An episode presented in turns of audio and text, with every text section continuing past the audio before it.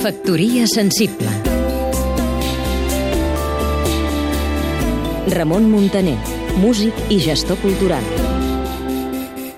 Fa uns anys, una de les fórmules radiofòniques que més triomfaven a les ràdios eren aquells programes de discos solicitados, on els oients escoltaven amb delit l'emissió per veure si algú havia pensat en ells i els dedicava alguna cançó.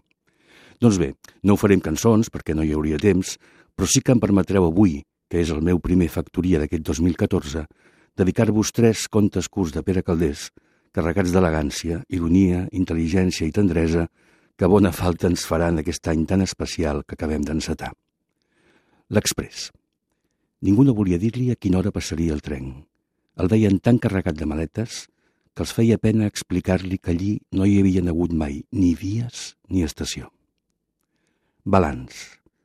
Tot just quan estava a punt d'abastar la galleda, va fallar-li una cama i caigué el pou.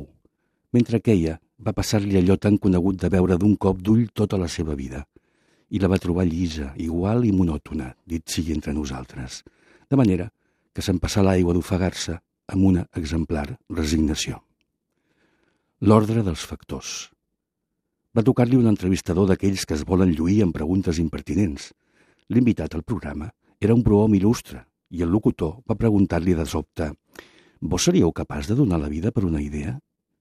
L'entrevistat s'obrí d'acord i tot oferint el perfil afavoridor a la càmera, respongué «No, m'estimaria més de trobar una idea que em salvés la vida».